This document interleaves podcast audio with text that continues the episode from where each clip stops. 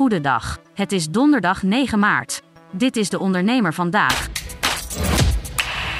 Het succes van de boer-burgerbeweging is te verklaren omdat de partij op vier punten de wind in de zeilen heeft.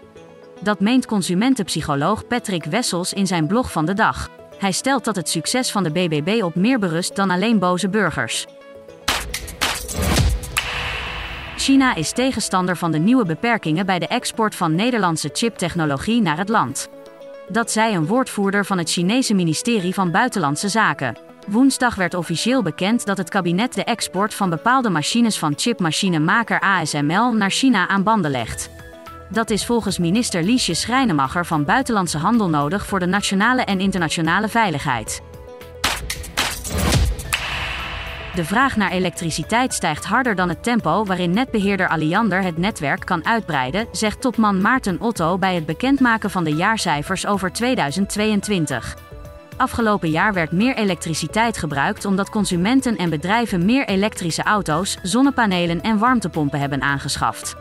Geen goed nieuws voor ondernemers, vertelt de topman. Het betekent dat we in de nabije toekomst helaas tijdelijk niet alle consumenten en bedrijven met een klein verbruikaansluiting direct kunnen helpen wanneer het net in de wijk vol raakt.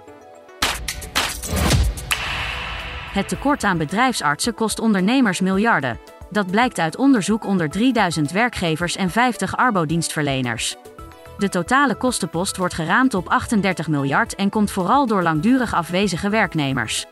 Met meer arbo-artsen zou dat verzuim beter kunnen worden aangepakt. Loyaliteitsprogramma's als spaarzegels en airmiles richten zich vooral op omzetgroei.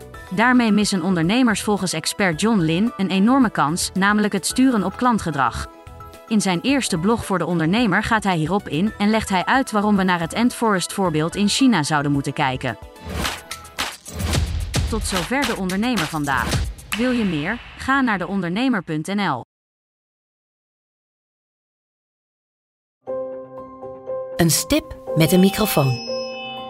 Voor een ondernemer die durft te dromen van het grote succes.